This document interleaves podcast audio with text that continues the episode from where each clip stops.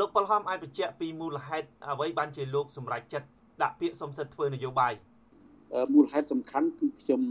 ចង់ឲ្យคลายទៅជាមនុស្សម្នាក់តែមានសិទ្ធិសេរីភាពដូចធម្មតាតែខ្ញុំមិនធ្វើអីរយៈពេល3ឆ្នាំកន្លះហើយគឺគិតត្រឹមថ្ងៃទី17ខែឧសភា2021នេះគឺ3ឆ្នាំ6ខែគត់ហើយខ្ញុំយល់ថាពេលពេលនេះវាគ្រប់គ្រាន់ល្មមដែលខ្ញុំត្រូវធ្វើយ៉ាងម៉េចឲ្យបាន រួចផុតពីការបំរាមការហាមប្រាមឲ្យធ្វើនយោបាយនេះបាទបាទលោកប៉ុលហំតើមកដល់ពេលនេះលោកសម្រេចចិត្តថានឹងសម្លឹងឃើញគណៈបកនយោបាយណាមួយនៅ ដែលលោកនឹងបន្តអាជីពនយោបាយតទៅមុខទៀតហើយមូលហេតុនេះបានជាលោកសម្រេចចិត្តជ្រើសរើសយកគណៈបកហ្នឹងខ្ញុំបំណងចង់ឲ្យមានការរួបរวมនៃគណៈបកតូចតូចទាំងឡាយដែលជាពិសេសគឺអ្នកដែលមានសិទ្ធិ ធ្វើនយោបាយកន្លងមកហើយនឹងឬក៏អ្នកដែលបំរុងនឹងមានសិទ្ធិធ្វើនយោបាយនឹងគឺខ្ញុំចង់ឃើញមានគណៈបកប្រឆាំងមួយដែលអ្នកដឹកនាំទាំងអស់នោះសុទ្ធសឹងតែជាអតីតគណៈបកសង្គ្រោះជាតិយើងមិនអាចយកគណៈបកសង្គ្រោះជាតិមកវិញបានទេប៉ុន្តែខ្ញុំគិតថាវាគ្មានច្បាប់កន្លែងណាដែលហាមមិនឲ្យយើងយកស្មារតីនៃគណៈបកសង្គ្រោះជាតិមកទេគ្រាន់តែថារបៀបយើងធ្វើឲ្យវាខុសប្លែកបន្តិចគឺធ្វើយ៉ាងណាឲ្យស្របទៅតាមរដ្ឋធម្មនុញ្ញនៃប្រជាណាចក្រកម្ពុជាយើងធ្វើអី គឺកុំឲ្យឆ្វេងពេកកុំឲ្យស្ដាំពេកក្នុងលក្ខណៈមួយសំរុំដែលអាចទទួលយកបានក៏ប៉ុន្តែបើប្រសិនណាជាខ្ញុំមិនអាចមិនអាចឃើញមានការរួមរួមណាមួយអតីតថ្នាក់ដឹកនាំគណៈបកសង្គ្រោះជាតិដែលមានសិទ្ធិធ្វើនយោបាយហើយទីនោះគឺថារហូតមកទល់ពេលនេះខ្ញុំសម្លឹងឃើញមានគណៈបកមួយគឺគណៈបកកែតម្រង់កម្ពុជាហើយបច្ចុប្បន្ននេះគឺ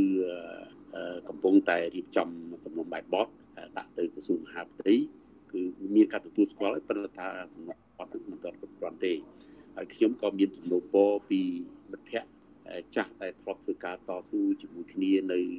តាមព្រំដែនក្តីនៅក្នុងក្របខ័ណ្ឌនៃនសិជាតិដល់ប្រជាពលរដ្ឋខ្មែរក៏ដូចជានៅក្នុងក្របខ័ណ្ឌនៃគណៈបកសិទ្ធិនោះក៏ដូចជានៅក្នុងក្របខ័ណ្ឌនៃគណៈបកអតីតគណៈបកសង្គ្រោះជាតិនឹងដែរគឺថាចង់ឲ្យខ្ញុំចូលរួមនៅក្នុងគណៈបកកែតម្រង់កម្ពុជានឹង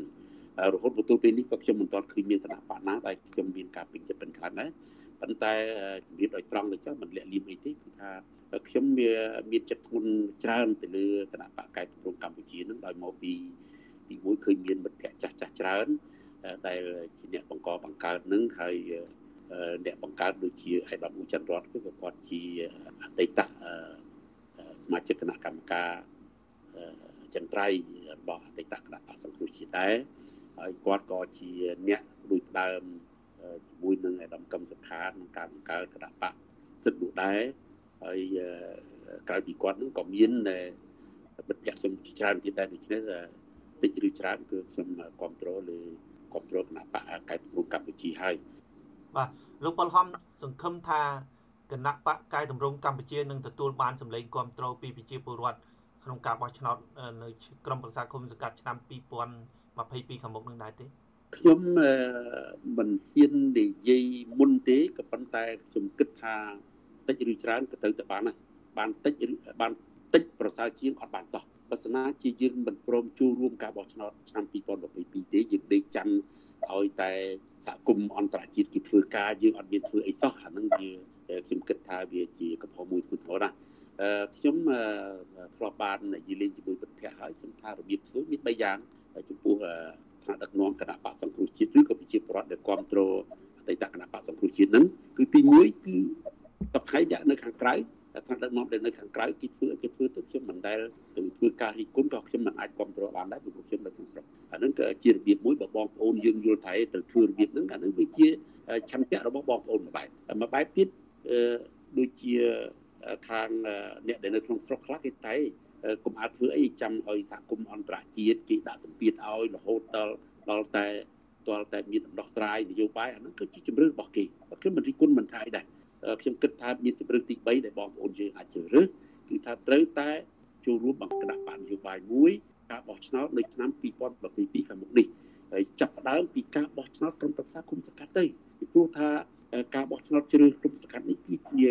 ការបោះឆ្នោតមួយដែលសំខាន់ដែលត្រូវឲ្យមានការអនុវត្តលទ្ធិប្រជាធិបតេយ្យនៅតាមមូលដ្ឋានដែលឲ្យមានតំណាងយើងខ្លះនៅតាមគុំប្រឹក្សាគុំសង្កាត់ហ្នឹងជាជំរឿមួយជូនដល់បងប្អូនយើងបើថាបងប្អូនយើងយល់ថាទេឥឡូវក្រៅពីអ្នកធ្វើការនៅខាងក្រៅក្រៅពីអ្នកដេកចាំគឺថាគេយល់ថាត្រូវតែមកធ្វើដើម្បីឲ្យមានតំណាងយើងនៅតាមក្រមប្រឹក្សាគុំស្កាត់មានបញ្ហាអីបងប្អូនយើងនោះទោះតែមិនបានឈ្នះជាជាជាចៅសង្កាត់ជានិគមក៏ដោយក៏មានតំណាងអាចចូលរួម ជួយដោះស្រាយបញ្ហារបស់បងប្អូននោះក៏យើងធ្វើអញ្ចឹងទៅបាទបាទលោកប៉ុលហំតិចក្រៅជានិយាយទេបាទបាទជីវរដ្ឋបាទអរគុណលោកប៉ុលហំលោកប៉ុលហំលោកប៉ុលហំធ្លាប់ជាមនុស្សដែលស្និទ្ធទៅនឹងលោកកឹមសុខាប្រធានគណៈបកសង្គ្រោះជាតិបច្ចុប្បន្ននេះតើអ្វីដែលលោកប៉ុលហំចុងក្រោយនេះបានងាកទៅស្នើសុំសិទ្ធិធ្វើនយោបាយវិញអញ្ចឹងបានន័យថាលោកប៉ុលហំទទួលស្គាល់នៅអ្វីដែលជាអំណាចសាក្រមរបស់តឡាការកម្ពុជា កាលពីខែវិច្ឆិកាឆ្នាំ2017ហ្នឹងគឺជាការស្របច្បាប់បានន័យថារំលាយគណៈបកសង្គ្រោះជាតិស្របច្បាប់ឬមួយយ៉ាងម៉េចខ្ញុំយល់ថាក្នុងពាក្យដែលខ្ញុំបានដាក់ពាក្យសុំនេះខ្ញុំមិនដែលថាខ្ញុំទទួលស្គាល់ឬក៏សុំទោសអីទេអញ្ចឹងបានថាជាមួយនឹងកាសែតខ្លះខ្ញុំបានជម្រាបខ្ញុំអរគុណបកូណាដែលបានលោកបានផ្ដល់យុតិធម៌ឲ្យខ្ញុំដោយប្រទៀនទៅតាមសំណើរបស់សម្ដេចនាយករដ្ឋមន្ត្រីហើយនិងសម្ដេចកលាហោមសខេងហ្នឹងគឺថាផ្ដល់យុតិធម៌ឲ្យខ្ញុំឲ្យខ្ញុំមានសេរីភាពធ្វើនយោបាយវិញនេះគឺជាការជាជាការផ្ដល់យុតិធម៌មួយឲ្យខ្ញុំហើយខ្ញុំសប្បាយចិត្តណាពីព្រោះខ្ញុំអត់ដែលបានធ្វើអីខុសទេខ្ញុំធ្វើកន្លងមកនៅក្នុងក្របខ័ណ្ឌនៃគណៈបកសង្គមជាតិគឺខ្ញុំធ្វើស្របទៅតាមរដ្ឋធម្មនុញ្ញបាទខ្ញុំធ្វើស្អីគឺរស្មីជាបែបគឺថាខ្ញុំធ្វើមិនឆ្វេងពេកមិនស្ដាំពេកបាទហើយខ្ញុំមិនដែលយកទំនាស់បុគ្គលនោះគឺជាជាសំខាន់ទេបាទហើយរឿងជាមួយនឹងលោកកឹមសុខាជាស្និទ្ធចិត្តស្និទ្ធជាមួយគាត់ ធ្លាប់គឺធ្វើការធ្វើបើគាត់មិនមែនជាអ្នកតស៊ូនៅក្នុងនៅតំបន់តាសេជាតិរបស់ប្រជាប្រដ្ឋខ្មែរជាមួយខ្ញុំប៉ុន្តែជាមិត្តសិទ្ធិស្នាក្រោយពីទៅខ្ញុំចូលមកក្នុងស្រុកយើងធ្វើការជាមួយគ្នាជាមិត្តភាពគឺអត់មានការបែកបាក់អីគ្នាទេក៏ប៉ុន្តែអាចមានចំណុចយុទ្ធសាស្ត្រខុសគ្នាគាត់មិនអាចនិយាយបានគាត់មិនអាចធ្វើអីបានក៏ប៉ុន្តែបើខ្ញុំអាចធ្វើអីបានខ្ញុំត្រូវទៅធ្វើបើគាត់មិនអាចធ្វើអីបានអានឹងវាជារឿងរបស់គាត់មួយប៉ុន្តែជាចំណុចយុទ្ធសាស្ត្រខ្ញុំថាបើមិនមានដំណោះស្រាយអឺ នយោបាយមុនពេលការរៀបចំការបោះឆ្នោតគ្រប់ប្រសាគុំសកាត់ទេខ្ញុំត្រូវទៅធ្វើយុទ្ធសាស្ត្រគឺទៅធ្វើម៉េចឲ្យមានគណៈខ្ញុំទៅស្ថិតក្នុងគណៈបកនយោបាយណាមួយដើម្បីឲ្យមានការចូលរួមការបោះឆ្នោតឆ្នាំ2022ខាងមុខនេះវាជាទំនិតអត្តតថាបុគ្គលណាបើសិនជាខ្ញុំគិតថាឥឡូវបោះឆ្នោតក្រុមប្រឹក្សាគុំសង្កាត់ខ្ញុំមិនចូលរួមទេប៉ុន្តែចាំខ្ញុំទៅចូលរួមនៅឆ្នាំបោះឆ្នោត2023នេះខ្ញុំយល់ថាមិនត្រឹមត្រូវទេទៅរកច្រកដើម្បីឲ្យ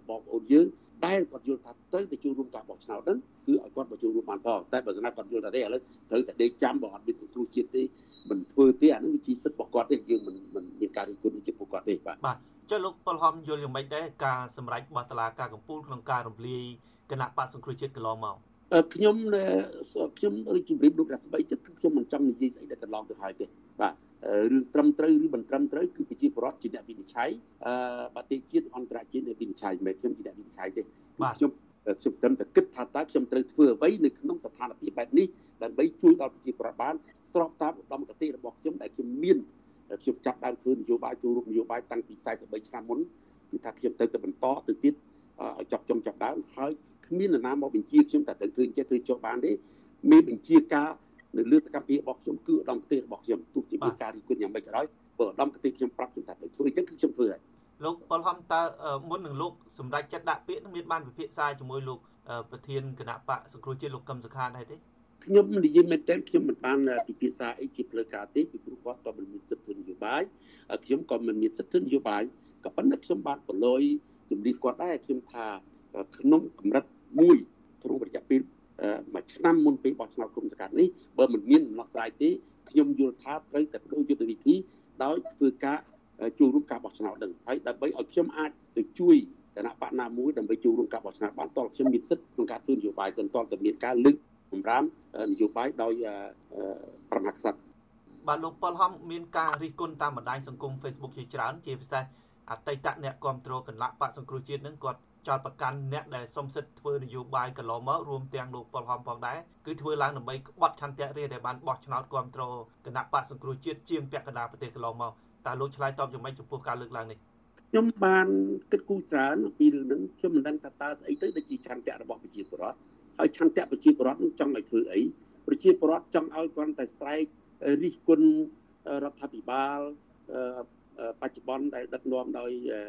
សម្ដេចហ៊ុនសែននឹងគាត់តែស្រែកអញ្ចឹងហើយវាអត់បានអីឬក៏ឆន្ទៈរបស់ប្រជាពលរដ្ឋចង់ឲ្យដេកចាំមិនឲ្យធ្វើអីអានឹងខ្ញុំមិនយល់ទេប៉ុន្តែខ្ញុំយល់ថា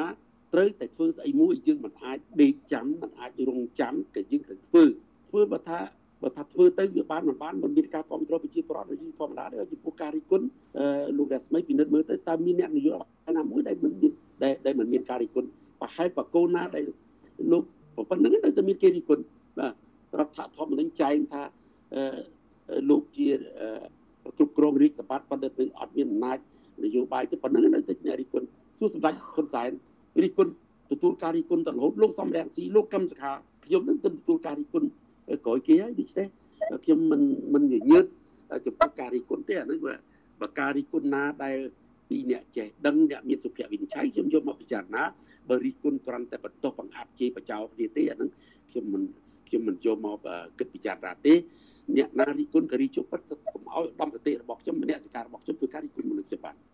អរគុណលោកប៉ុលហំដែលបានចំណាយពេលក្នុងការដល់បទសភាជាមួយនឹងវិទ្យុអាស៊ីសេរីសូមជម្រាបលាបាទខ្ញុំសូមអរគុណលោករស្មីអរគុណវិទ្យុអាស៊ីសេរីដែលបានមកជួបខ្ញុំបាទអរគុណវិទ្យុបាទ